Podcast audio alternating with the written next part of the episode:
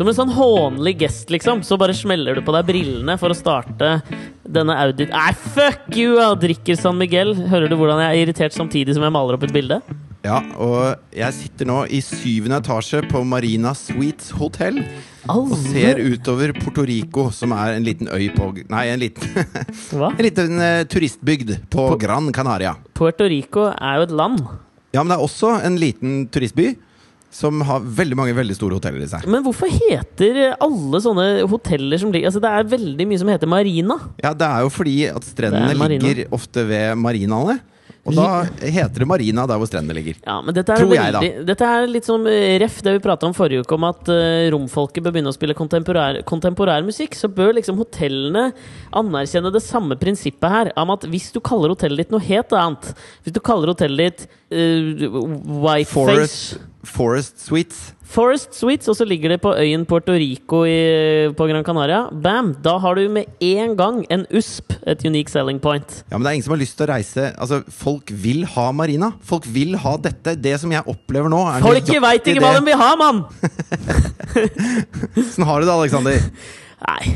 Få høre hvordan du har det. Nei, nei. Nå har jeg lyst til å høre om tristessen i livet ditt. Hvordan har du det, Alexander Nyhagen? På en skala fra 1 til 10 så ligger jeg og vaker rundt en firer akkurat denne uka her. Det mye mer interessante spørsmålet her er jo hvordan har du det?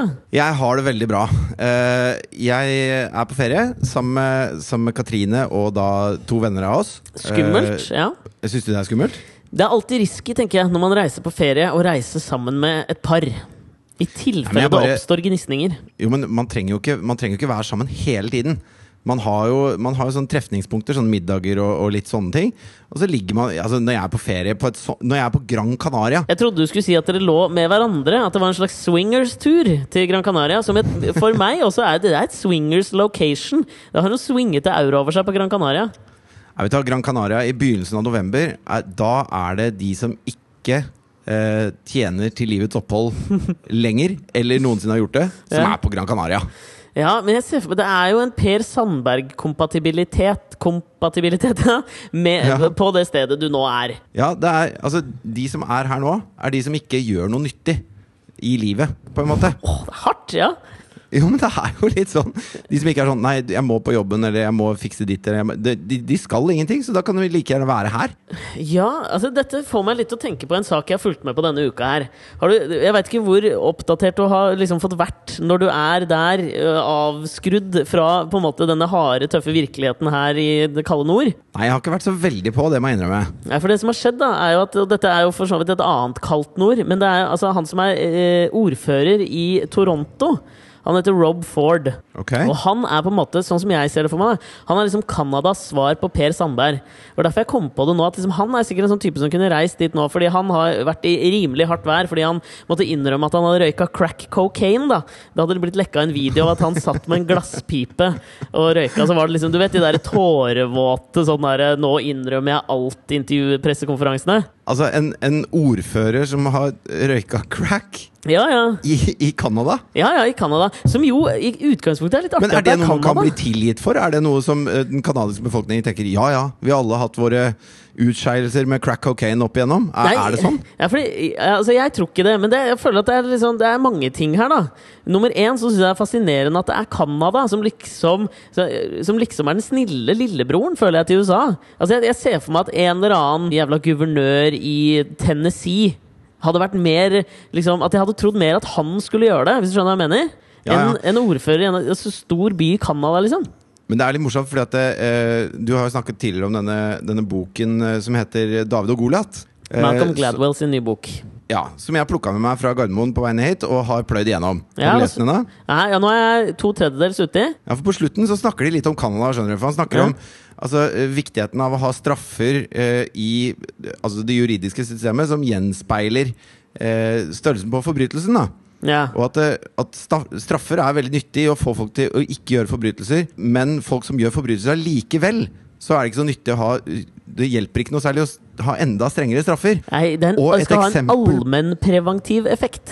Ja, sånn at det, For å få meg til å slutte å rane en bank, så er det nok å si Eller for å få meg til å ikke gjøre det, så holder det å si at da må du i fengsel. Og da sier jeg greit, da gjør jeg ikke det. Ja. Men en bankraner så holder ikke det.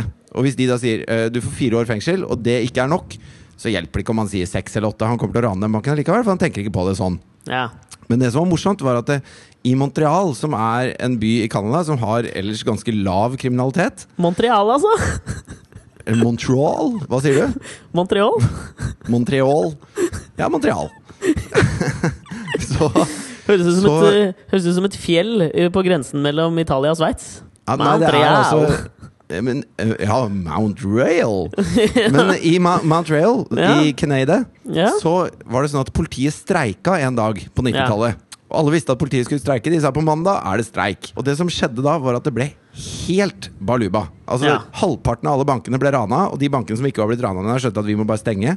Og folk eh, kom ned i sentrum og Men- luta butikker.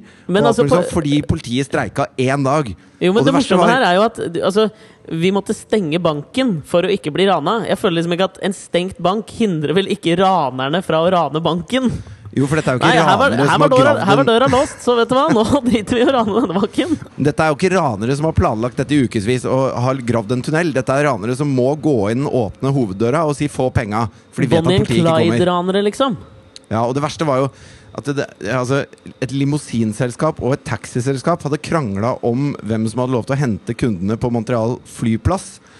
Og da, når politiet var på streik, så begynte de å, å krangle, og så begynte de å slåss. Og så endte det med at eh, altså, taxisjåførene kasta bensinbomber mot, eh, mot denne limousinselskapet, som igjen da åpnet ild på dem. Og det endte med at taxisjåførene tente på en hel buss og sendte den uten brekk inn i garasjen til limousinselskapet.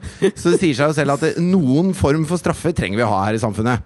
Ja, Og kanskje ikke Canada er det lille sukkersøte bildet som, som vi alle har trodd at Canada var. Nei, jeg, jeg tror ikke det. Fordi det som jeg, jeg måtte jo sjekke litt, da. Fordi at det, det som fascinerer meg liksom nå, eh, er jo at det som skjer stadig mer, syns jeg, da, er jo at eh, Nå så jeg f.eks. at da, da Erna Solberg holdt sin første Hva faen heter det? Tale, liksom, i Stortinget nå som statsminister, så får hun på en måte terningkast for den i VG. Sånn terningkast fem. Statskvinneaktig og, og trygg, liksom.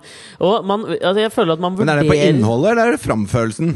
Er Der må det jo være mest framførelsen, tenker jeg. Fordi politikken er politikken. Så det er vel mer som hvordan man framstår. Framstår hun, framstår hun som Angela Merkel, liksom? Eller ikke? Eller Altså, framstår er hun som Siv å, Jensen? det er som å anmelde en konsert da, og si at eh, ok, eh, låtene deres kan du synes hva du vil om, men de spilte veldig bra. Ja, typ. Ja. kult. Nickelback. Nickelback hadde masse pyro. Låtene suger. Ja. Terningkast fire. God kveld, Norge-anmeldelse. Filmen er topp, skuespillerne er gode. Terningkast to. Nei, eh, fordi da begynte jeg å liksom tenke litt på at eh, For meg da, så tenkte jeg jo umiddelbart at han eh, Rob Ford Ja, dette syns jeg var fett. At han innrømte det. Jævlig kult, liksom. Står fram. Liksom, ja, står for det han har gjort. Etter selvfølgelig mye press her, da. De hadde jo funnet videoen, selvfølgelig. Men jeg syns det er litt kult at han gjør det, liksom. Men det var ikke han som frivillig ringte noen og sa 'vet dere hva, jeg har gjort noe dumt'. Han ble ferska, han ble ferska i dette her. Ja. Jeg ser for meg eh, Jeg hørte på eh, en eller annen sånn Dagsnytt 18 eller noe sånt med, med Per Sandberg i en diskusjon med, med NOAS om noe sånn internering av flyktninger, hvor jeg føler den Frp-retorikken som er sånn Med en gang du ikke har mer argumenter igjen, så begynner du bare å krangle på hvordan motstand, motparten din krangler eller, eller argumenterer. Og det syns Ja. jeg han liksom Han tok et skritt tilbake og sa «Ja, greit! Jeg dreit meg ut. Sorry, jeg er dritlei meg. Jeg røyka crack en gang. Hvem har ikke gjort en feil? Og jeg støtter liksom det at politikerne også skal være litt mennesker. For faen, hvem har ikke gjort noe dumt, liksom? Ja, det er helt jeg da. enig. Men så viser det seg at dette er jo faen ikke første gang Rob Ford har gjort noe dumt. Ok. Altså, Fyren er jo en vandrende katastrofe. Altså Nummer én så ble han i 1999 så ble han arrestert for å ha kjørt i fylla. Ikke sant? Og Ja. i tillegg så fant de marihuana i bilen hans. Så tenker jeg liksom sånn jeg leste det, så tenkte jeg ja, ok, greit, men han har lite drug problem. Shit au! Det, det er greit, jeg støtter han fortsatt. Og så, i 2006, så hadde han vært på sånn Toronto Maple Leafs, som er da hockeylaget i Toronto. Så hadde han vært på hjemmekamp der. Og så hadde han vært så dritings og blitt plukka selvfølgelig opp da av det kameraet som filmer på tribunene. ikke sant? Hvis de ser en kjendis, så zoomer de inn på han. Eller hvis de ser en digg dame, så zoomer de inn på henne. ikke sant? Og Da fant de jo ordføreren, zoome inn på han. Og da sitter han og fornærmer et par bak seg på det groveste og driver og tryner ned seteradene og blir liksom geleidet ut. Og jeg tenkte ok, nå begynner det å bli litt eh, Nå begynner det å males opp et bilde av Rob Ford som kanskje ikke er så sympatisk, liksom. Og så, da, dette er jo ikke er jo bare starten. I 2012 så, han, så ble han ferska på å ha en uh, i gåsetegn da wild party i, på kontoret sitt. På altså ordførerkontoret i Toronto. Så de måtte liksom Altså, han hadde kasta en brandyflaske på en ansatt klokka to om natta. Og så skulle han bli kjørt hjem, og da hadde han fornærma sjåføren og kalt den ned, nigger. Altså, det, det var liksom Det, det slutta liksom ikke med Jo, ting, men da. jeg, jeg, jeg tenker jo sånn Hvis du blir tatt for å eh, røyke crack cocaine De sier Ja. jo at, det, at uh, hasj og marihuana er en sånn gateway drug, er det de kaller det. At hvis du, hvis du begynner med det, så kan du fort komme over på hardere ting. Det er, Det er ikke sånn at altså, noen driter seg ut én gang på bare røyke crack cocaine, og bortsett fra det så har de bare spist kjøttkaker og brun saus hjemme. altså, det, du har gått en vei før du kommer dit. Men jeg tror at det, hvor, altså, det høres jo ut som han det, det må jo være mange mennesker som har visst at han har vært en, en ravende idiot opp igjennom. Og det at dette ikke kommer fram før nå, må jo ha vært fordi han gjør det såpass åpent, tenker jeg. Fordi at Hvis du tar Arnold Schwarzenegger, da, Ja. som har gitt ut treningsvideoer hvor han står og pumper jern og, og snakker om liksom hvor deilig det er å løfte 150 kilo i benken, og så sier han Every time I lift ikke, the weight ikke, ikke ta Arnold Schwarzenegger for din. it feels it feels like coming and it feels like coming in a woman so when I work out I come and I come and I come og han han skal styre verdens største økonomi som ikke, eh, Hvordan er det? Er det verdens største økonomi? California har ikke verdens største økonomi. Nei, men California har USAs største økonomi. Sånn er det der. Jo, men det kan, det kan jo stemme. Men det er jo liksom sånn Der ser du Han var jo rimelig utro mot Mariah Shriver, var han ikke det? Med hun derre eh, hushjelpen sin. Jo, jo, men han gjør det så tydelig. Det er ingen som forventer at han skal være At han skal være et helt rent blad. Fordi at han har vært en, en bodybuilder og skuespiller og har drevet med alt mulig slags piss opp igjennom. Og folk forventer at Arnold har noen svin på skogen fordi han er Arnold. Hvis det hadde vært Erna Solberg, da, Ja, ja. som, som liksom gir seg ut for å være en sånn clean cut, alltid blå kjole, tydelig, glad i små og mellomstore bedrifter dame, som plutselig kommer ut som plutselig kommer ut og bare Jeg hadde en liten runde med crack cocaine her på søndag, men det var bare én gang, liksom. Så er det en mye større blow for alle sammen. Ja, hvis, det hvis Per Sandberg har vært utpå, hvis han har vært på fylla og slengt en flaske etter noen, det er ingen som blir overraska, for han er Per Sandberg. Per Sandberg får lov til å gjøre sånne ting, for han er Per Sandberg. Ja, men Det er jævlig gøy det der hvordan forventningene gjør noe med hvordan man, tak eller hvordan man forholder seg til hva folk eh, i in the endgame gjør. da Sånn som, ikke sant eh, Erna Solberg er jo et godt eksempel. For etter den der, altså VG-helg fulgte vel henne i eh, det siste halvåret i, eh, før valgkampen da, og valget nå. Og da var liksom Ja. Den store, store diskusjonstemaet rundt Erna Solberg ble jo det bildet hvor hun var hjemme, og det var veldig rotete hjemme hos henne. Da var det liksom sånn Er denne damen skikket til å lede landet vårt? Mens Per Sandberg liksom seiler opp som en slags justisministerkandidat, og han har liksom de, Han har banka folk i fylla, liksom, men det er på en måte greit. Så kanskje, kanskje det man lærer av dette, er at hvis du liksom starter ut Hvis du skal stake ut kursen din som statsmann, så bør du bare kjøre en litt sånn der hard linje og være åpen om alt fra starten. Sånn at ingen blir skuffa når du driter deg ut. Ja, for jeg tror, at det, jeg tror at det er viktig å ikke prøve å male et bilde av deg sjøl som du ikke klarer å leve opp til. Og det, det har jo Altså, ta han Anthony Weiner, da. Ja, ja. som jo er, det er fantastisk at han heter Wiener, som Ja, er slang for penis. Og så driver han og sender bilde av sin egen pikk rundt til masse masse damer hele Ja. tiden. Og blir ferska om igjen og om igjen, og kona hans tilgir han om igjen og om igjen. Og alle er sånn Ja, men det er jo Anthony Weiner, for etter første gang så har man liksom hatt det sjokket. Og da Ja, neste gang så er det Ja, han er fortsatt Anthony Weiner, men han har mye bra politikk og sånn, så klarer man å se forbi det. Og til og Og- med kona slutter jo å få sympati. Fordi det er liksom sånn Jeg tenker jo med en gang sånn Tredje gang så tenker jeg sånn Ja, men du veit jo hvem du er gift med, kvinne. Ja, det er jo ikke det man skal tenke! Jo, men han har klart Han har på en måte lagt grobunn for at han skal kunne være Mr. Wiener, og allikevel Ja, ja. kunne ha jobben sin. Det er ingen andre som tåler én sånn trøkk. Hvis du klarer å reise deg etter den første trøkken, så er du immun. Da kan du gjøre hva du vil. Og det er jo lærdommen han også har tatt fra deg. Ja, det, det er jo en besnærende tanke at jeg på en måte har tatt feil av Per Sandberg hele, all, all denne tid. At han egentlig bare har lagd et spill for å bygge seg sjøl opp som den fyren. Så nå kan vi ikke ta han på noe, egentlig. Per Sandberg har sittet hjemme på soverommet sitt Så har han tenkt Ok, jeg er en drittsekk. Jeg har lyst til å være statsminister. Hvordan får jeg dette til å funke? Jeg, jeg må fortsette å være sånn passe drittsekk og la folk få vite om det hele tiden. Sånn at ingen blir overraska over at jeg er en drittsekk. Da kan jeg komme langt. Det, det er min tanke her. Hvis han er intelligent, så har han tenkt det. Hvis ikke, så er han Per Sandberg.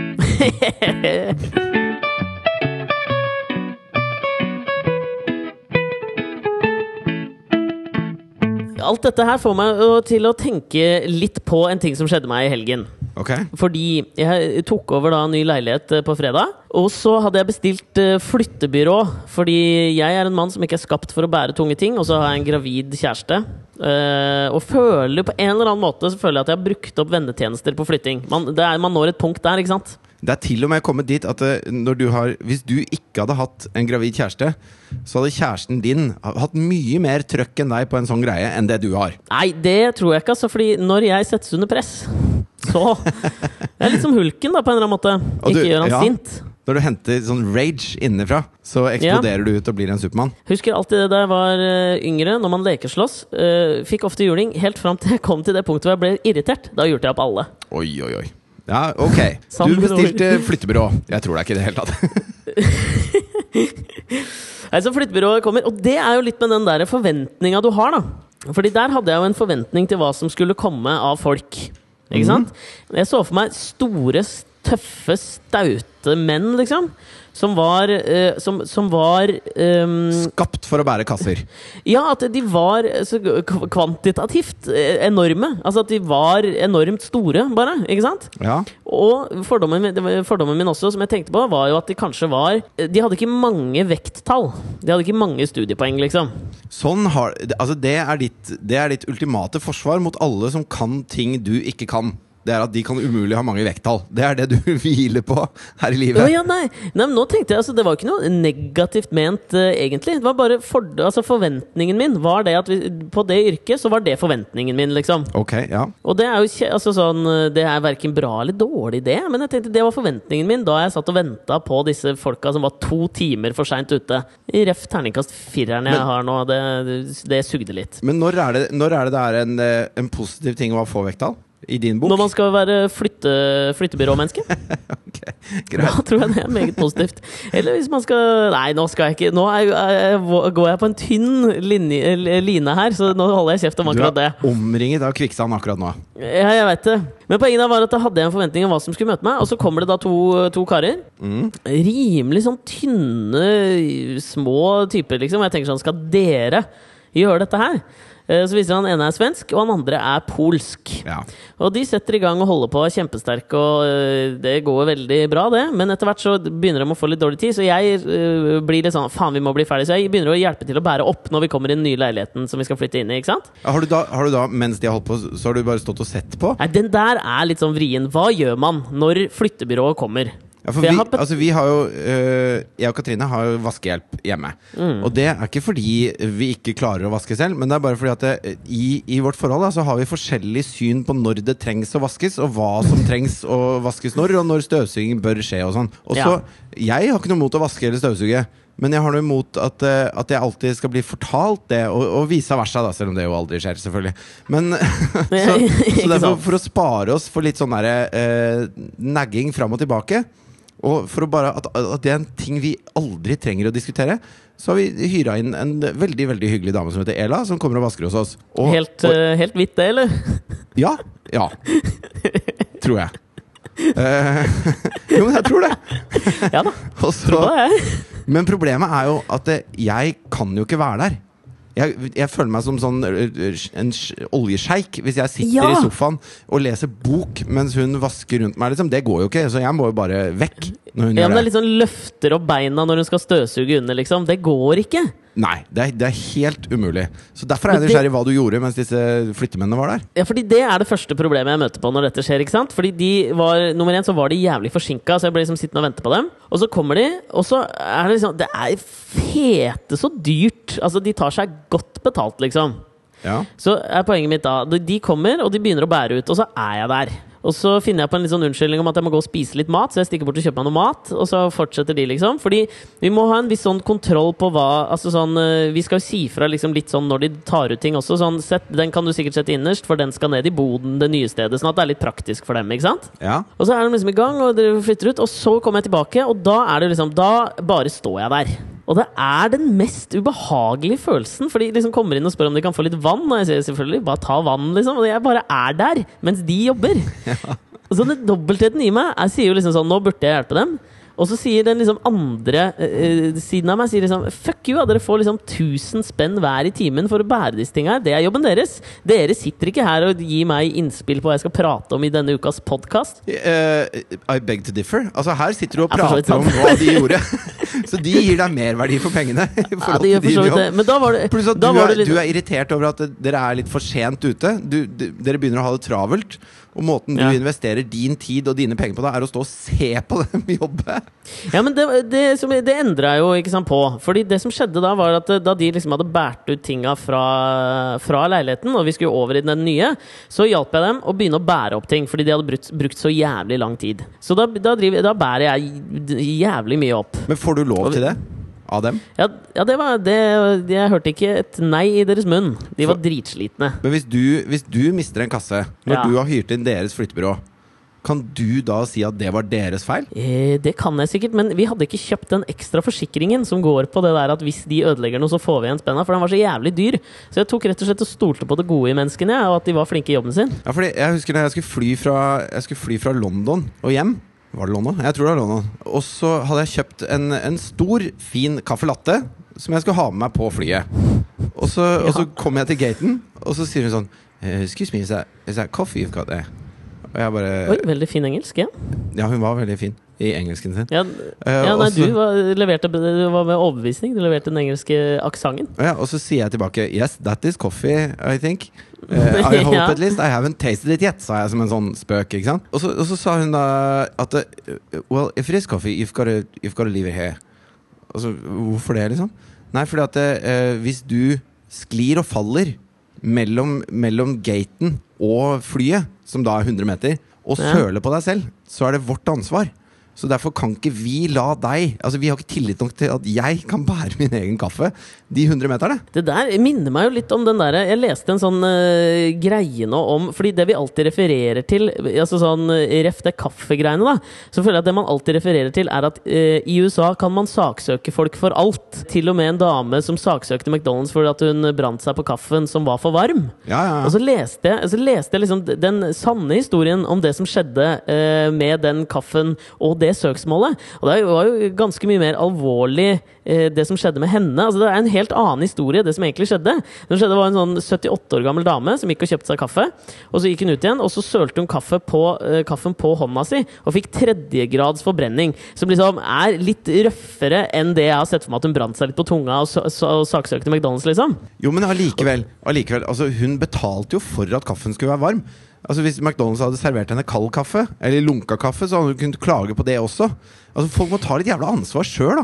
Hvis, du kjøper en- hvis du kjøper en sag fordi du skal pusse opp hjemme, og så sager du deg beinet, så kan jo det bli jævlig alvorlig.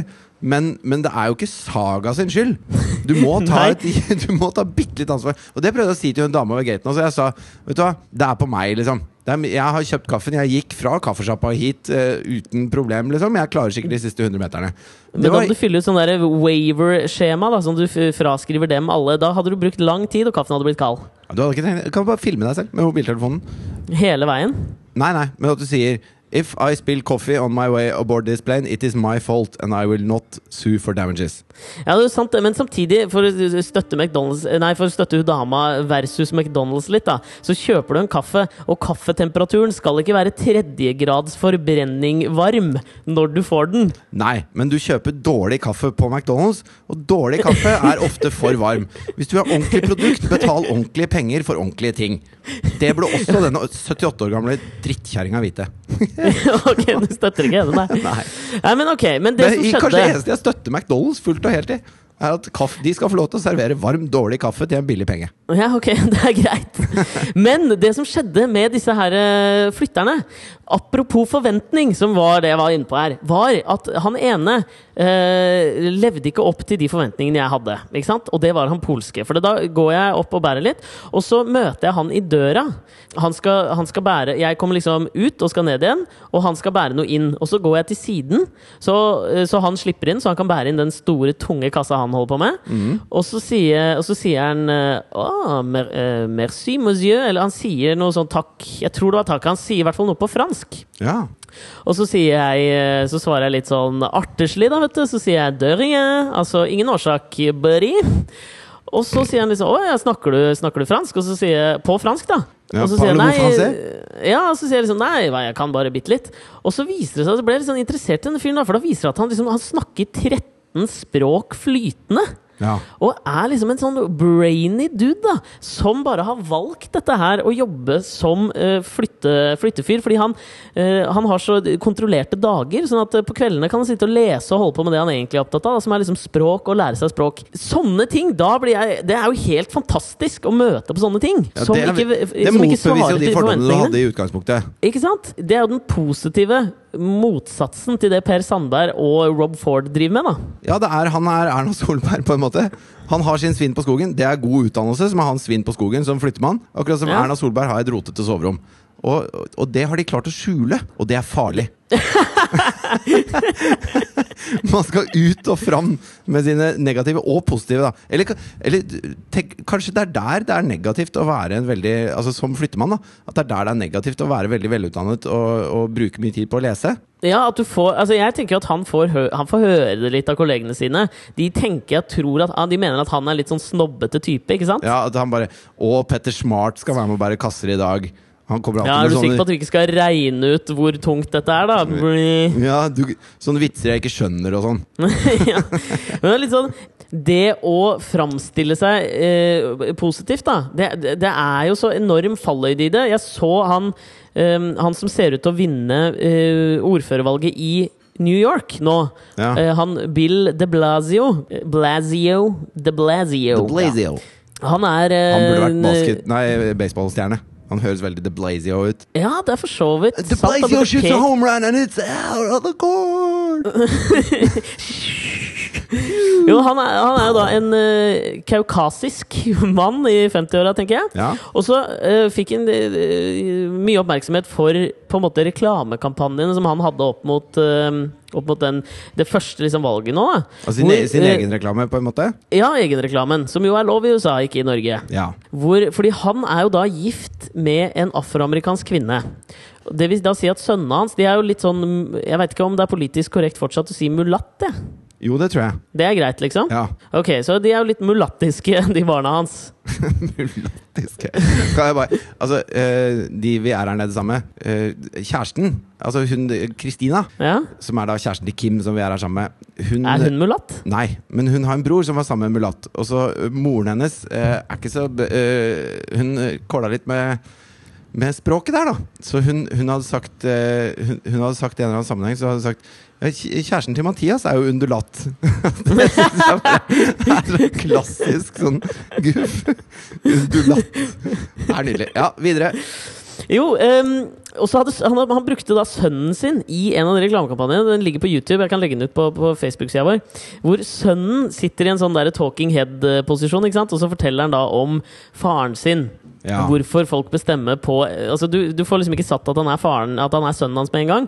Han skryter veldig mye av han, så ser de sånne hjemmebilder, så ser du at de går sammen, og så sier han på slutten sånn Og det ville jeg sagt selv om han eh, ikke var faren min. Ikke sant? Ja. Og jeg tenker han Bill de Blasio bygger jo på en måte opp en sånn der perfekt storm av politisk korrekthet. da Så altså Han har, han har en afroamerikansk kone, en sønn som er mulatt og har enorm afro, liksom. Han ser getto ut, Ja. men som er ekstremt velartikulert. Det er liksom den derre picture perfect amerikanske smeltedigelfamilien. Så det er liksom, hvis han gjør noe gærent nå, da altså det, Hele det der korthuset raser jo bare ved altså Hvis du bare blåser litt på det. Og det er så jævla risky, da, for han, tenker jeg. Når du liksom ser sånne folk som Rob Ford som bare har driti seg ut hele tiden, så får de liksom ikke så jævla mye pes fordi ja, ja, ja, hva kan vi forvente av han, liksom? Ja, det, det hadde jo slått veldig feil hvis Rob Ford hadde vært sammen med en mørk dame, og så hadde han en, en mulatt som en sønn, som med stor afro og så skikkelig getto ut, sa My dad has smoked crack cocaine, so he's one of the people, and I'd vote, vote for him even if he wasn't my dad. det hadde gått helt feil.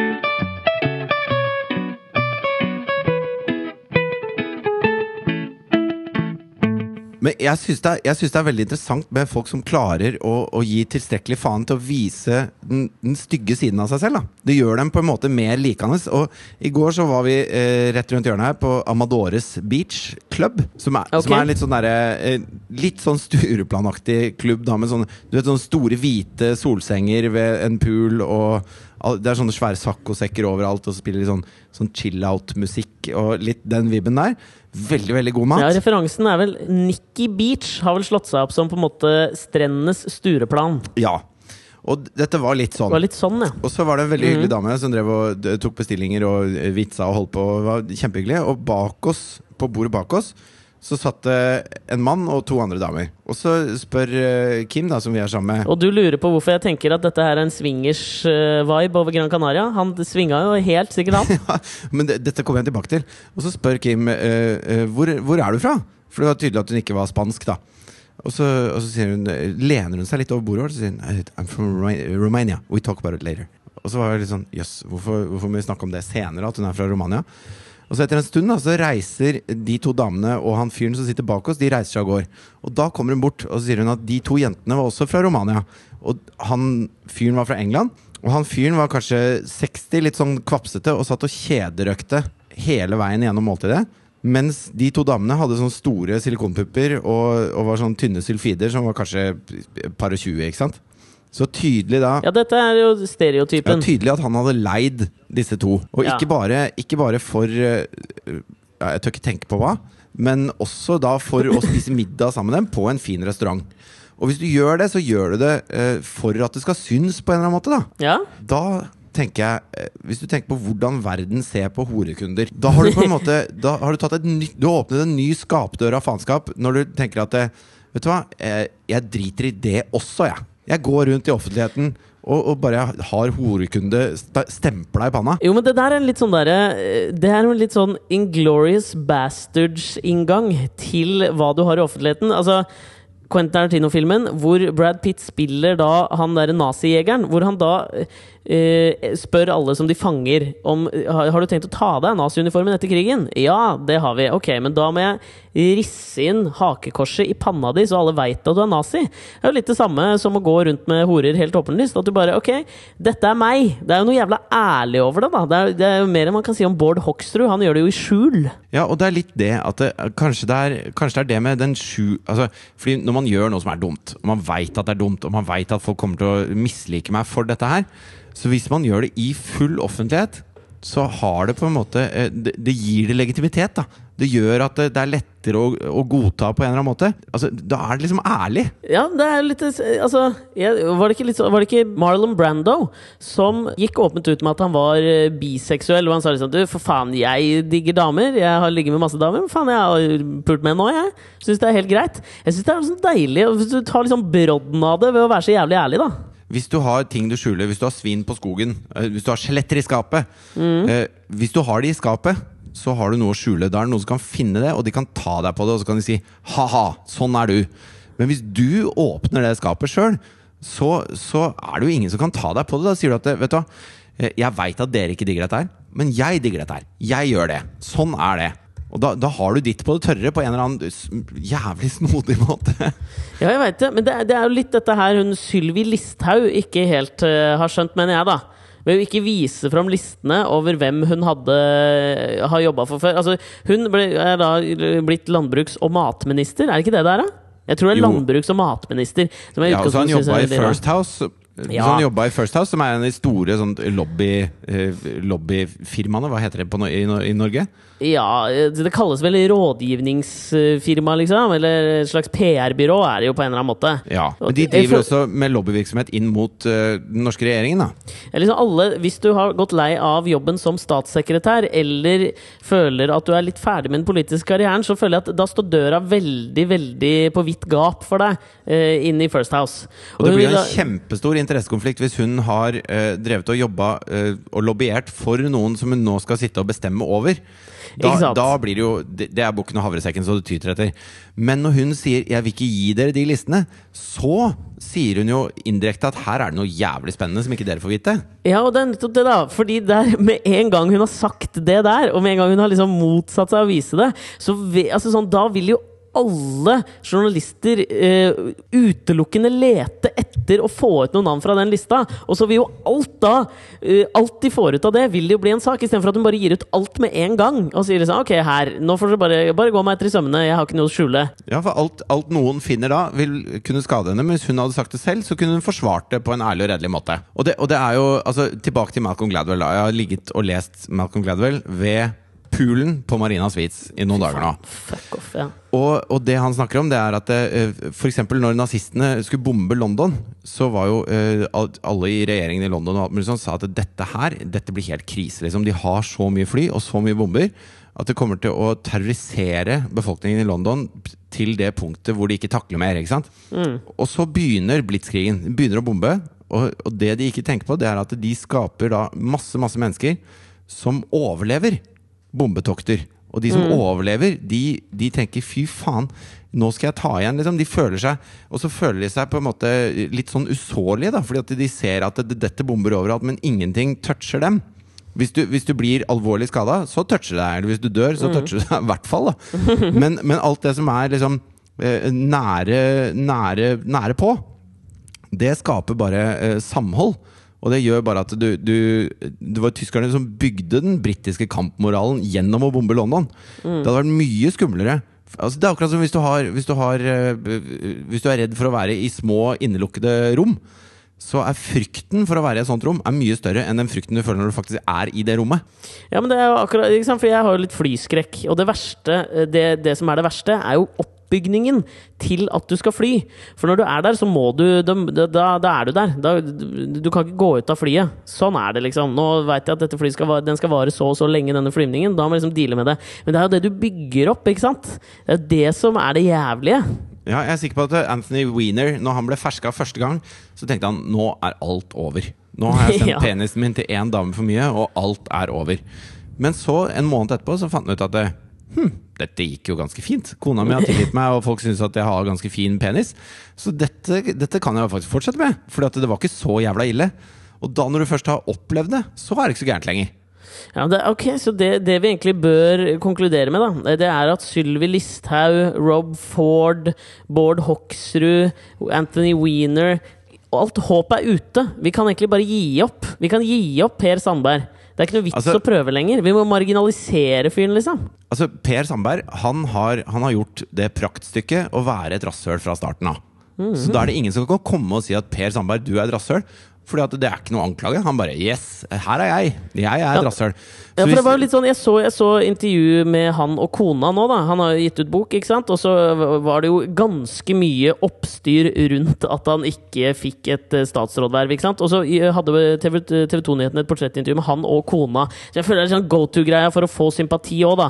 At du da stiller opp med kona di, som kan liksom støtte oppunder og digge oppunder hvor fantastisk person du er. Hvor han får et spørsmål om liksom, om han ikke kommer til å savne liksom, eh, menneskene på Stortinget, sånn, hvor han sier ja, men jeg, jeg har ingen venner der, jeg. Og, jeg, og han sier det som en liksom sånn en, um, som skryt, da. At han har klart å gå gjennom et, en politisk tilværelse i såpass mange år som han har, uten å få seg en eneste venn.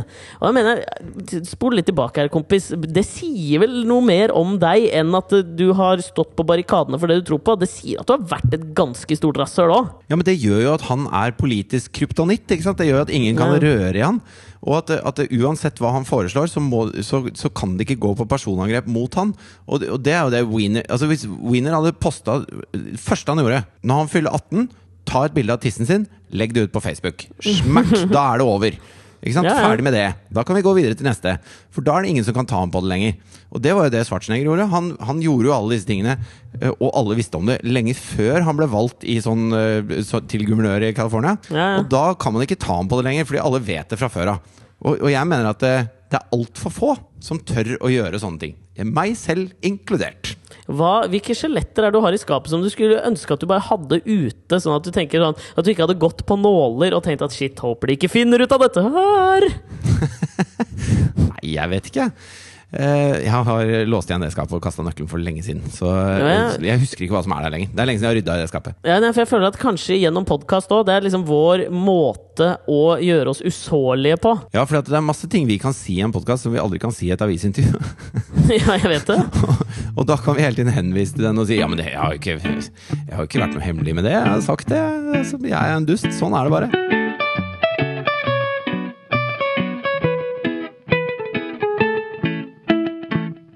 Vi har jo prata veldig veldig mye om liksom narsissisme, og at vi er noen jævla narsissister i denne podkasten helt fra starten. Det har vært mye om det. Og det er liksom sånn Vi var i et intervju her nå for et par uker siden også, hvor det liksom blir på en måte tema veldig ofte for eh, journalister som også har hørt på podkasten, og så er det liksom det vi får mye spørsmål om, da. Ikke sant? Ja. Og jeg føler at der har vi liksom bygd opp den der at vi kan bare stå, stå for det også.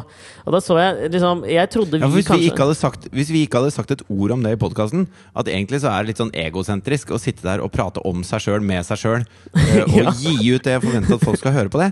Så hvis vi ikke hadde sagt det i podkasten, så når han journalisten da hadde sagt det til oss, så hadde vi måttet forsvare det standpunktet, istedenfor at vi kan si at eh, vi er fullt klar over det. Sånn er det bare. Men det var, jeg følte liksom at vi eh, På en eller annen måte så har vi nådd liksom toppen av det. Men så så jeg, i forbindelse med halloween var jo nå, og da, da så jeg noe som jeg mener liksom bare toppa det eh, narsissismebegrepet som jeg hadde hatt i mitt begrepsapparat, liksom, ganger en million. Og det var jo da uh, hun Nicki Minaj som tro, Nå kom jeg på det. Tror du liksom Nicki Minaj at det er en slags At det skal oppfordres til at man får tankene på en men menage à trois? Menage à moi, tror jeg det er, men ikke Eh, ikke sant? Det var en Den likte jeg. Ja, takk. Jo, Litt fra, franske vitser. À la din, Ja, men polske, Ja, det det din polske flyttemann. Og litt på den swingers-greia, da, som jeg tenkte du er jo inne i den Inne i swingers-miljøet nå. Ja. Men hun hadde lagt ut da bilde på Instagram med Ja. sitt halloween-kostyme. Og jeg føler at hun også for meg har dannet et bilde av seg sjøl som en en enorm narsissist. Det er for alle kjente mennesker er jo det. Men uh, hun hadde da kledd seg ut som en uh, Hva skal man si? En BDSM-purk, liksom. Hun hadde noe svart teip over brystvortene, og det var liksom Det var nesten ikke klær, men det var noe lær der. Og så har hun da, står hun da inne på et bitte lite bad og tar bilde av seg sjøl i speilet. eh, og det er mange bilder. Ja. Men det som liksom topper det, er at ok, du har kledd deg sånn. Du velger å ta bilde av deg sjøl i speilet. Og på mobilen, som jo da åpenbart syns på bildet, så har du en sånn beskyttelsesgreie til iPhonen din, hvor du i tillegg har bilde av deg sjøl på den! Det er bare så mange nivåer av narsissisme som jeg aldri kommer til å nå! Men tror du, det tror du hun bruker det som en sånn Du vet, Man kan få sånne små klistrelapper som man setter på tingene sine. Sånn at det, 'Dette er Fridtjof sin ryggsekk', eller 'Dette er Fridtjof sin gitar', eller sånne ting. Tror du hun har bilde av seg selv på telefonen, sånn at hvis hun mister den, så kan folk tenke 'Ja, dette er Nicki Minaj sin telefon'. Og kanskje hvis jeg leverer den tilbake, så vil hun ha en menage à moi. Jo, kanskje, fordi hun har bygd opp det derre imaget som uh, Nicki Minaj Amoa-narsissisten. Det er kanskje det vi må gjøre nå. At kanskje jeg skal gjøre det sjøl, da. Bare merke alt jeg eier. Det var det jeg skulle gjort til de der flyttebyrågutta. Så hvis de hadde prøvd å bøffe noe, så hadde det bare vært bilder av meg på alt. I lettkledd med sort teip over brystvortene. Sånn at de måtte se på det hver gang. Og hvis de visste det selv, så måtte de se på meg naken hver gang hvor jeg tok et bilde av meg sjøl med bilde av meg sjøl på mobilen min. Jeg vet hva, Ditt problem altså Du hadde jo akkurat samme problemet som Erna Solberg når de flyttegutta kom. Fordi at det, Du visste ikke hvordan du skulle forholde deg til det. På én side har du lyst til å være en hyggelig fyr, du har lyst til å hjelpe til. På den andre siden så uh, syns du at den, den lille til mellomstore bedriften de flyttegutta driver, de bør gjøre jobben sin. Ja. Uh, og, så, så klarer du ikke å ta et klart standpunkt, så du blir stående bare og se på og gå litt ut og litt inn og peke litt sånn. Det du burde gjort, var bare å, å jekke en stor øl, kle av alle klærne, gå i dusjen, såpe deg inn med sånn tjukt skum mens du drakk øl i dusjen, og så måtte de komme inn til deg og spørre 'Hvor skal denne kassa her?' 'Ja, den kan du sette innerst.' Glugg, glugg, glugg. Og så bare med det frotterende skummet over hele den lille kroppen din. Da hadde du tatt et tydelig standpunkt overfor de gutta.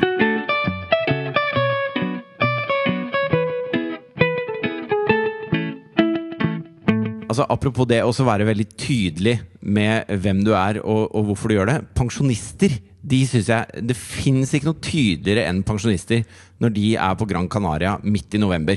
Altså, da, altså Det er det tydeligste signalet du kan sende. Ja. Altså eh, Vi fikk applaus når flyet toucha ned. Det var på- applaus. Fy faen, du lever myten, ass. Ja. ja, ja. Så til de grader. Jeg du så eh, jeg, jeg tok bilder av noen av butikkfasadene rundt her, hvor det er Lillehammer butikk, og Ja. det er eh, Gjøvik gift shop. Og, altså, det, det er akkurat som man skulle tro det var. ja. Men når det er sånn derre aerobic-trim i bassenget på hotellet, Ja. og det kommer masse mennesker med masse, masse kropp Det er så mye kropp her at jeg, at jeg, jeg har overdosa på kropp. Altså, jeg mener jo per def at kropp er topp, men problemet for meg er at brytningspunktet hvor kropp ikke lenger er topp, er når det er mer leverflekker enn kropp. Ja, og disse er, disse er for kropp det Per Sandberg er for uh, politikk. Det er bare altfor, altfor mye. ja. Og så aerobicen er bare en sånn, det er en sånn dårlig unnskyldning for å stå ved siden av hverandre i bassenget. Og, og de gjør jo ingenting av det han fyren gjør. Altså, de altså det, er, det er jo bare tull. Og, og, så, og så sitter jeg og ser på det, og så tenker jeg at ok, mennesket er det farligste rovdyret på planeten Jorden. ja. Det er vi, liksom. Ja. Og så ser jeg utover det bassenget. tenker jeg, Fy faen, så patetiske vi er som mennesker. Du- det. Det, var, det, var, det var min lille analyse når jeg ligger der og bare tenker at det, Tenk deg hvor, hvor fantastiske vi mennesker kan være. Og dette er ikke de. Jo, men altså eh, Det som jeg syns er fascinerende med det der, det er den eh, tydeligheten med gamle mennesker som du prater om. Fordi jeg opplevde også her eh, Vi har jo begge, og dette har vi prata om før òg, at vi har, vi har vært litt sånn faste eh, innslag, holdt jeg på å si, på Ettermiddagshjelpen på ettermiddagen på TV 2. Og vi kommer Ja. inn, og så får vi noen spørsmål, og så er det liksom tre stykker, sitter vi sammen med to andre i et panel. Um, og så var jeg der forrige mandag. Sammen med en sånn standup-komiker som heter Dora Torhalsdottir. Og så var jeg der med da eh, kron... Altså, rett under Wenche Foss så er hun liksom Norges diva, mener jeg, da. Lise Fjelstad. Fantastisk dame. ja, ja. Ja, og rimelig nydelig, spør du meg. ja, men det, det kunne jeg tenke meg at du ville synes. Og hun begynner jo å bli litt uh, oppi åra nå. Ja. Tipper hun er eh, hvor- hvor- 67, kanskje. Still going strong. Helt fantastisk dame. Dritkul. Vi sitter og prater masse liksom, backstage der. Hun Ja. er dødsfet. Men så blir vi da eh, tatt inn litt sånn i forkant, sånn at vi sitter på en måte der i studio litt før programleder Martin Giæver, som, som jo må være eh, Norges mest uheldige arbeidstaker om dagen. Hei, har du lyst på ny jobb i TV 2? Ja takk. Du, det programmet legger vi ned. Takk Ja. skal dere ha. Si, si opp den faste jobben din i NRK og begynn hos oss. Eh, nå legger vi ned. Sorry, Martin. Det var dårlig gjort, ass! Men uh, vi sitter og venter på han, da. Og alle kamerafolka står jo der. Og det er liksom sånn klart for opptak. Og så sitter da vi og småprater litt. Uh, Lise og jeg og hun Dora. Hørtes ut som jeg sa hun hora, men det var ikke det jeg sa. Det var Dora. Ja, det har hun sikkert hørt før. Men så uh, begynner vi liksom Så begynner Lise for, jeg, jeg, altså for min del så tenker jeg at det er, en, det er, en overraskende, det er et overraskende valg av Lise Fjelstad å bli med på det her. Altså Det er snakk om ti minutter TV-tid, og du må liksom dra ned til TV 2, og så sminkes og orges, og for damene så er det jo litt mer sminking. Det tar alltid lengre tid for dem, ikke sant? Og spesielt kanskje da for litt eldre kvinner som er vant til teatersminke og skal framstå på den og den måten, som er litt sånn divate, ikke sant? Det tar lang tid for Lise Fjelstad, dette her. Hun må sette av Ja. tre timer, liksom. Ja. Så jeg var i utgangspunktet litt sånn overraska over at hun stilte opp på det.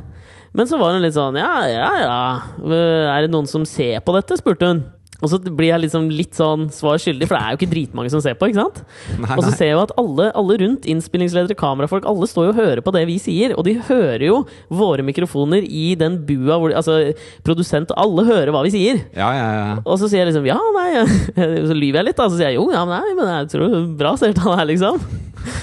For å liksom prøve å digge oppunder Lise Fjelstads ego. For jeg følte jo litt på det der at det, du kan ikke nå få beskjed om at dette er det ingen som ser på, når du da har satt av tre timer av ettermiddagen din, hvor du egentlig skulle vært hjemme og spist aftensmat. Ikke sant? Men det er så bra at du føler et ansvar for det. Du som bare er eh, Altså, du er jo bare gjest. Du har jo ikke noe ansvar for det. Nei, jeg veit det, men jeg fikk liksom den følelsen litt, for det var liksom ingen andre der. Så jeg føler at den tar jeg nå, for å digge okay. opp under Lise Fjelstads ego. For det er faen meg et ego som fortjener å digges opp under, ass. For ei dame. Men eh, så ender det liksom da med altså, på, et tidspunkt da, i offentligheten, så tror jeg Lise Fjelstad bare bestemte seg for at vet du hva, fuck it, jeg har gjort nok Ibsen, jeg har spilt Nora, liksom. Jeg har gjort mitt på Nationaltheatret. Nå gir jeg faen i hva folk syns. Så hun begynner jo da på en sånn liten rant, da. Når okay, du sitter er der med liksom sånn at det er jo faen ingen som ser på dette programmet her, da. Hvem er det som ser på det? Hvem har tid til å se på det? Er ikke folk på jobb lenger? Og hun fortsetter og fortsetter helt til han Martin kommer inn. Og jeg blir så fascinert, da. Og jeg begynner jo å le, ikke sant? Ja, og det ligger jo liksom litt oppunder igjen det hun sier, så hun fortsetter jo helt til han kommer inn. Og jeg er bare sånn helt sikker på at alle hører det, men hun gir så jævlig faen. Og det er jo noe litt deilig med det. Det er jo liksom Hun sitter per deft der, hun, med to mannehorer på hver arm. Og bryr seg faen hva folk, sier, hva folk syns om det. Og det liker jeg, ass.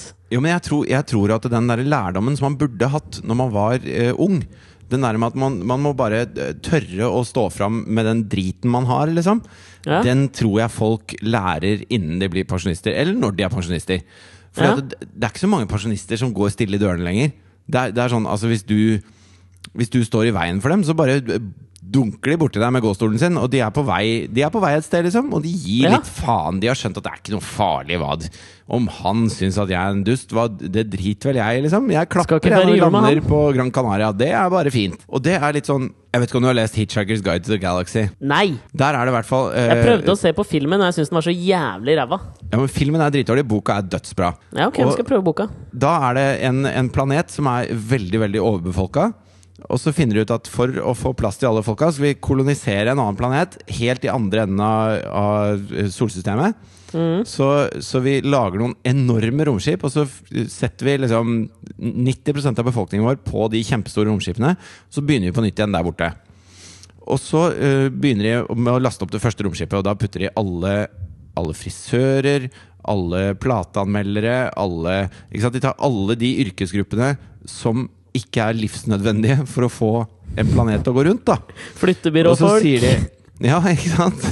Programledere, Ja, podkastere flytte, altså Flyttebyråfolk hadde jo sikkert vært veldig praktisk når du da skal flytte inn på en ny planet. da Og så sender de dem av gårde som fortroppen. Mm. Mens de andre blir jo bare. For da har de jo fått masse plass. Og jeg føler at det, det første romskipet her, som reiser av gårde, og som verden ikke trenger, da, det er Gran Canaria i november. Det er sånn, Ja, Hvis hele Gran Canaria hadde sunket i havet, så hadde ingen merka noe forskjell på noen ting. Det er jo jævla synd, fordi altså, det, det er en sånn eh, Det er en kompis av meg som hadde en sånn fascinerende teori om det der. Fordi på et eller annet tidspunkt Altså Lise Fjelstad er i brytningspunktet, mener jeg, da. På gamle folk. På, på et eller annet tidspunkt så, uh, så ser vi på gamle folk som litt sånn Ja, han er for gammel nå. Nå veit han ikke hva han prater om. Herregud, han begynte å surre. Ikke sant? Lise Ja. Fjelstad er liksom på det brytningspunktet. Men samtidig så er det der ordtaket 'de gamle vet best'. Så er har en kompis som har en sånn teori om at egentlig alle gamle folk med Alzheimers og alle de gamle folka som vi har avskrevet, egentlig da, vet best. Og at vi, at vi, vi, at vi har på en måte et nivå av innsikt, et sånt metanivå, som vi ikke når fordi vi avskriver den der gamle delen av befolkningen som liksom Alzheimer-dårer, ikke sant?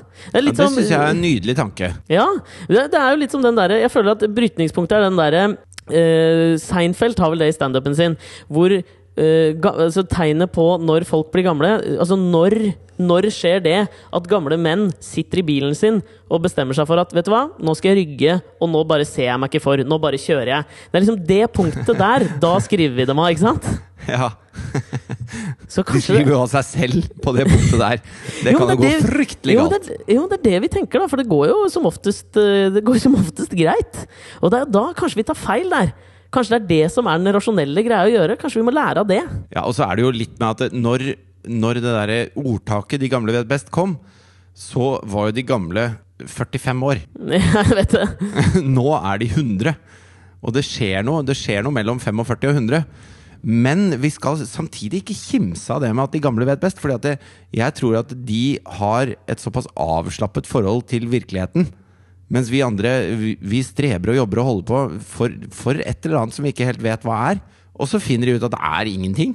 Det er bare dette her. Ja. Og, og det gir dem en ro som vi kunne lært noe av, tror jeg. Og Ja, sånn det, sett så vet de gamle best. Ja, men det, det neste vi kommer til å se, er en slags sånn derre hipster En gammelhipstergentrifisering av Gran Canaria. Og at det blir på en eller annen måte et slags maktmekka. Nå snakker jeg 100 år fram i tid. Når vi skjønner da endelig at de som er der hele tiden, de som flytter til Gran Canaria, det er egentlig de som har skjønt det. Det er jo noe helt latterlig å bo her oppe og drive måtte kle på seg hele tiden og ha det mørkt og bli deprimert. Hvorfor ikke reise dit? Det er jo det som er det rasjonelle å gjøre. Ja, ja. Drit i barnebarna, liksom. Flytt ned hit og bli venn med Pedro som jobber på Superen på hjørnet. Det Ja. gir deg like mye, og det er varmt. Gran Canaria er det nye New York. Ja, men det var jo det det var. Det var et helvete i Norge, så vi dro til New York da for Ja. 200 år siden. Og da var det Gran Canaria. Da var det den, det alle drømte om. Ja, det det sånn, om, eh, om 250 år så kommer, vi til, så kommer Alt for Norge-programmet til å være om altså folk fra Gran Canaria som kommer tilbake for å finne slekta si. Fordi at er, du har måte Du har slått deg til ro med så mange ting hvis du flytter til Gran Canaria fordi det er sol der. Da, da, du, du er så uambisiøs på så mange punkter Og det, og det er en bra ting, da. Og, og jeg mener, altså, sånn som, Hvis du tar helt motsatt ende av skalaen Det er en som heter Klaus, som jeg har jobba mye sammen med. Som, som er et Han er en arbeidsnarkoman ut av ville helvete. Og så uh, prøvde jeg å ringe han en dag, og så tok han telefonen. Og så, og så sa jeg Hei, det er Fridtjof. Uh, og så sa han du, Fridtjof, uh, jeg fikk hjerteinfarkt i dag, så jeg er på Ullevål. Men var det noe viktig? Så selv om han har fått hjerteinfarkt av stress og ligger på Ullevål sykehus, så tar han telefonen. Fordi han, han lurer på om det er noe viktig. Skjønner du? Det er ingen pensjonister som gjør det lenger. De har, hvis du har flytta til Gran Canaria da, så har du sagt at det, her er de, det er ikke noe vits i å ringe meg. Nei, du vet hvor send jeg er. postkort. Send brev. Kom, kom hit, så kan vi spise paella og ha en hyggelig samtale. Utover det, bare bli hjemme. Fuck deg. Og det er noe sjarmis med det, da.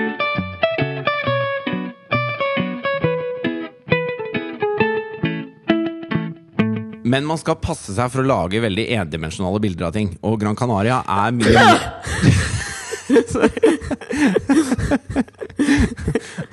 Og fikk en overraskende nys. Eh, Gesundheit. Eh, Gran Canaria Takk. er mye mer enn grått hår også. Og i går så skulle jeg prøve å surfe. Altså bølgesurfe. Det har jeg gjort en gang før. Hva slags annen surfing? Vindsurfing. Det finnes jo vindsurfing okay. også. Men dette Ja, var da bølgesurfing. sant. Og, og, Ja, jeg bare føler at det er en pleonasme, liksom. Bølgesurfing i Gran Canaria. Ja, ok, fortsett. ja. Så jeg drar da til uh, Playa del Ombre, som jeg syns er et veldig sånn, betegnende navn på det. Mannestranda.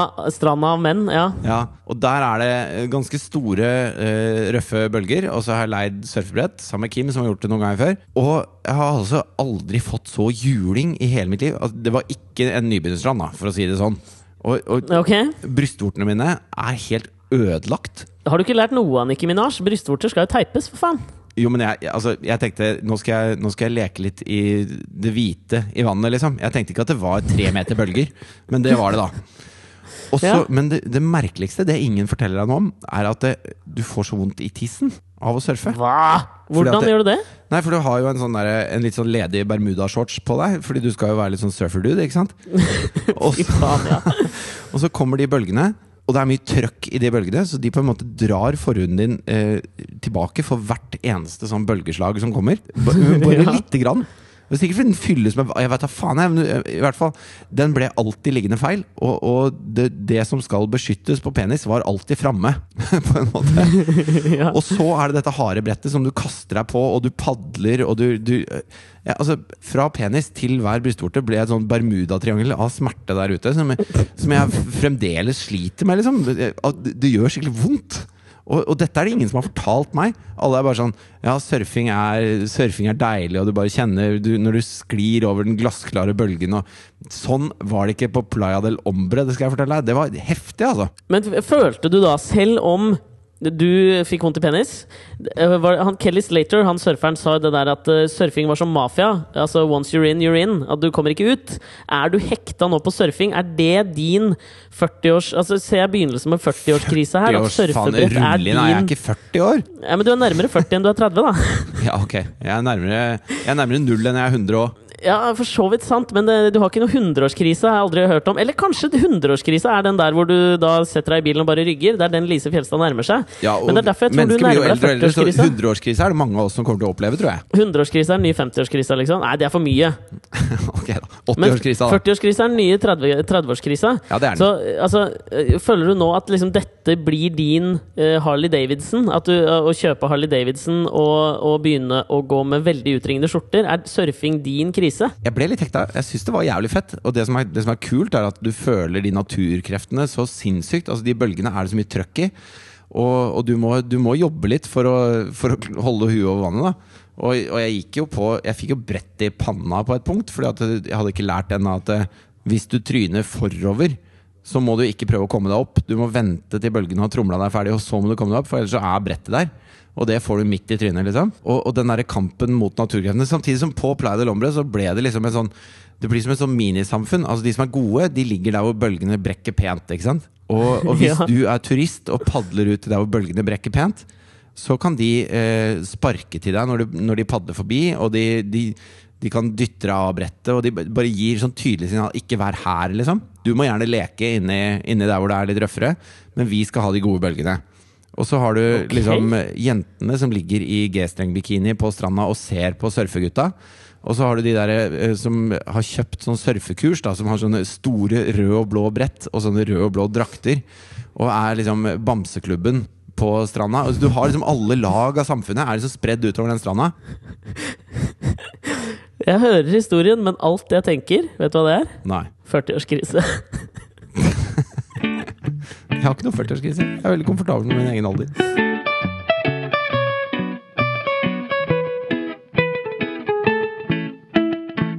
Du, denne uka her så fikk jeg meg på en, en ny eh, sidejobb. Ok. Jeg skal være redaktør eh, for en mo motenettside. Ok. Sammen med Mariann Thomassen fra Surferosa. Spennende. Eh, vi skal da ta over den Minto I Minto jo det klarte jeg ikke å si. Siden.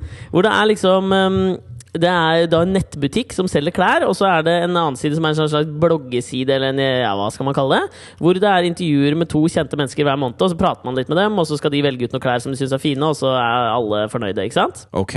Og det jeg kommer på idet jeg begynner å tenke på dette her, er jo at jeg skal jo være, man skal jo være rimelig forsiktig i hvordan man omtaler dette her. Jeg så uh, Justin Bieber hadde lagt ut en sånn tweet tidligere denne uka hvor han, hadde, hvor han skrev noe sånt som at uh, han syns plateselskapet sitt eh, ikke gjorde nok for den filmen som han har gitt ut. Hvor det er liksom, Du skal passe litt på å sage over den greina du sitter på. Men har han gitt ut film? Han refererte i hvert fall til en film i den tweeten. Ikke at jeg har sett den filmen. Men Han, er liksom sånn sånn. han er ikke skuespiller, han prøver ikke å ta en Justin Timberlake, på en måte. Han prøver ikke å ta en Justin Timberlake, ei heller en uh, omvendt Fresh Prince in Bel-Air. Hva heter han? Will Smith. Men det er jo litt sånn Altså, du skal være da redaktør for en motenettside, er det sånn å forstå? Ja, så jeg skal gjøre en del intervjuer med folk. da I morgen skal jeg møte hun Ida Fladen. Hun fra Prosjekt Perfekt på NRK3. Jeg veit ingenting om meg, jeg. Men jeg skal prate Jeg har sett henne, litt på Prosjekt Perfekt, det syns jeg var veldig gøy, altså. Ja, jeg så på det også. Det var gøy, det.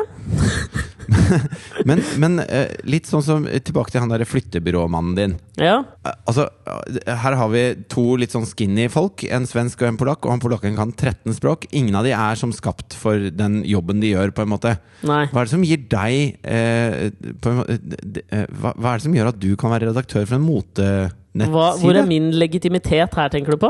Hvor er din legitimitet? Det er den jeg lurer litt på sjøl. Men det er der jeg er litt sånn usikker på liksom sånn, Hvis jeg outer det her, kanskje de finner ut av det og sparker meg, liksom. Ja, Men kanskje du må bare være først ute med å si at du har ingenting å komme med, men du, du syns at noen ser teite ut og andre ser kule ut. Ja, sånn at det- det, det- når, når folk spør hva er din legitimitet, så kan du si at det, jeg har ikke noe. Jeg har bare eh, mannen, altså grasrota. Jeg er grasrota. Altså, du, Det som er problemet, syns jeg, da Fy faen med sånne motnedsider Fy faen, det, var, det er en setning jeg aldri har sagt før, og aldri ei heller kommer til å gjenta. Hva Jo, som nå er som du er redaktør problemet for en, så kommer du til å gjenta det. Nå skal du høre problemet med motebransjen. Ok, Fy få høre. faen, jeg er flau, ass. Ja, men Problemet er jo det at du, jeg gir da faen i hva liksom pene, pene mennesker som er superskinny og har riktige proporsjoner har på seg. Det hjelper jo meg fint lite. Det ser jo fint ut på dem. Ja. Men her kommer jeg fra grasrota med min korte, korte kropp og korte ben. Og da vil jo det ha en større resonans øh, hos de som leser det, tenker jeg. Der har du min legitimitet. Så du håper at du kan ta motet til folket? Det er akkurat det. Til folket, liksom. Gjøre mote harry igjen, liksom. At Per Sandberg leser det du skriver og tenker hm, dette er noe for meg. Det slipset der Nå skal jeg bytte ut lisseslipset mitt og kjøpe et slips på minto.no. Gå inn, alle sammen. Ikke det at vi er sponsa av det. Lykke til med det, Aleksander. Tusen hjertelig takk. Nå har i hvert fall jeg også da tatt og outet meg sjøl, så det er ikke noe å ta meg på der. Jeg har ikke peiling på mote. Jeg. jeg ser bare smashing ut. Bare, jeg har bare et øye for det, liksom. Ok, ja, men da skal jeg, da skal jeg følge med på din, på din spede kropp framover for å se hva jeg også bør kle på meg. Ja, det bør Det du gjøre, altså. Gå inn og sjekk det ut, eh, folkens. Det kommer jo sikkert i løpet av november, så kommer det noe greier ut der. Det syns jeg dere skal gå inn og se på, lese og kommentere og I, I den uka som kommer nå, så skal du ta sånne selfies i speilet på badet hjemme av hva du har på deg, og legge det ut på Alex og Fritjofs Facebook-side hver dag. Sånn at folk kan, folk kan følge den nye trendnissen Alexander Nyhagen. Det hadde jeg Ja. vært Det må du gjøre, faktisk. Ja, men da starter jeg på, da, det skal, da starter jeg på mandag, liksom. Du starter på mandag. Mandag Skal blir det moteuke på Alex og Fritjofs podkast på Facebook. Det bør dere glede dere til, folkens. Og send oss gjerne mail om hva du syns om det på alexogfritjof.gmail.com, eller på Facebook-sidene, da, selvfølgelig. Ja. Men jeg tenker bare sånn, for, til, for å oppsummere her Moralen er, folkens, gå ut og liksom bare ei svakhetene deres. For Ja. da kan ingen ta dere på det. Vær den gamle dama på Playa del Ombre som ikke kan surfe, og som har tatt på seg en for bitte liten bikini. Vær Lise Fjelstad, for faen! Vær en drittsekk, for andre er det også. Og da er det ingen som kan ta deg på det. Ha det! Ha det!